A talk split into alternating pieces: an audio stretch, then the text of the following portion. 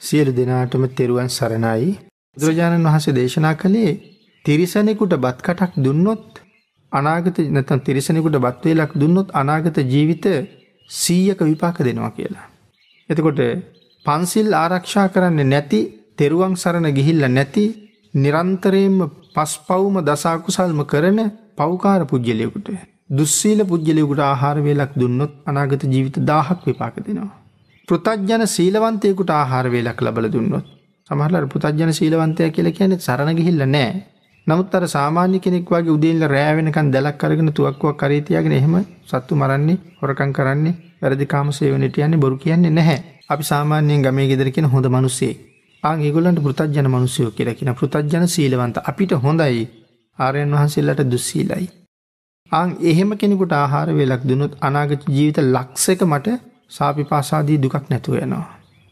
තෙරුවන් නැත්නම් පංචාභිග්ඥා අෂ්ට සමාපත්ති තියෙනවා තෙරුවන් සරණ ගිහිල්ල නෑ එහෙම කෙනෙකුට ආහාර වේලක් ලබල දුන්නොත් අනාගත ජීවිත කෝටි ලක්ෂයක විපාක දෙනවා. තෙරුවන් සරණ ගිහිල්ල පන්සිල් ආරක්ෂා කරන කෙනෙකුට ආහාර වෙලක් දුන්නොත් අනාගත ජීවිත අසංකේයක විපාක දෙනවා සෝවන් ආර්ය ශ්‍රාවකයකුට ආහාර වෙලක් දුන්නොත් කොයි තරං කාලයක් විපාක දෙනවද කියල සීමාවක් නෑ තනින් එහාට සම්මා සම්බුදු පියාණන් වහස ගවටෙනකම්ම කොච්චර විපාක දෙනවද කියලා සීමාව සඳහන් කරලා නෑ. නමුත් මේ පිළිබඳව අපිට ලොකු ශ්‍රද්ධාවක් නෑ. මේ පිළිබඳව අපිට ලොකු විශ්වාසයක් නෑ. මේක තමයි සම්මා සම්බුද්ධ ශාසනය උගන්වලා තියෙන දැවන්තම ආයෝජනය. කෙනෙක් ලක්ෂ පහළුවක් වියදන් කරන්නේ ලක්ෂ තිහක්වත් හොයන්ට බලාගෙන හැබැයි ලක්ෂ තිහක් නෙමෙයි කෝටියක් හෙව්වත් එඔක්කෝ මේ ජීවිතෙන් ඉවරයි. මට වියදන් කරගන ඉවර කරන්න බැරිවුණොත් මගින් පස්සේ ඉන්න හැරියක වේදන් කරගනී හැබැයි මට වැඩක් නෑ. නමුත් හරියට ඒක පින්කමක් කරගත්තොත් මේ විදිහට ඒක වෙන කාටවත් ගණ්ඩ පුළුවන්කමක් නෑ. නිවන් දකිනා දයාති දක්වා බුද්ධාන්තර කීයක මං ඉපදෙයිද. එනම් හරියටම බුද්ධ පූජාවක් අදත් කරගත්තුත්.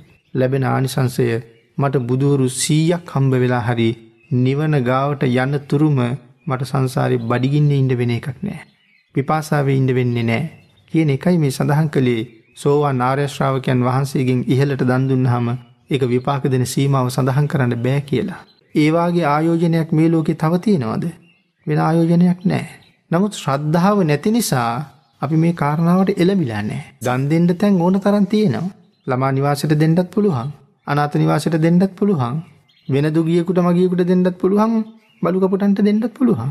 ඒ කොතෙන්ට දුන්නත් ආනිසංස ලැබෙනවා. නමුත් මෙච්චරානිසංස ලැබෙන්නේ නෑ. එනිසා හරියටම ශ්‍රද්ධාවක් තියෙනවනම් සසර මේ විදිහට සුවපත්වෙන්ඩ ඔන්නම් මේ සම්මා සම්බුද්ධ ශාසනය අරමුණු කරලම පින්කන් කරන්න ඕන කියන තැනට යන්ඩ පුළුවන්.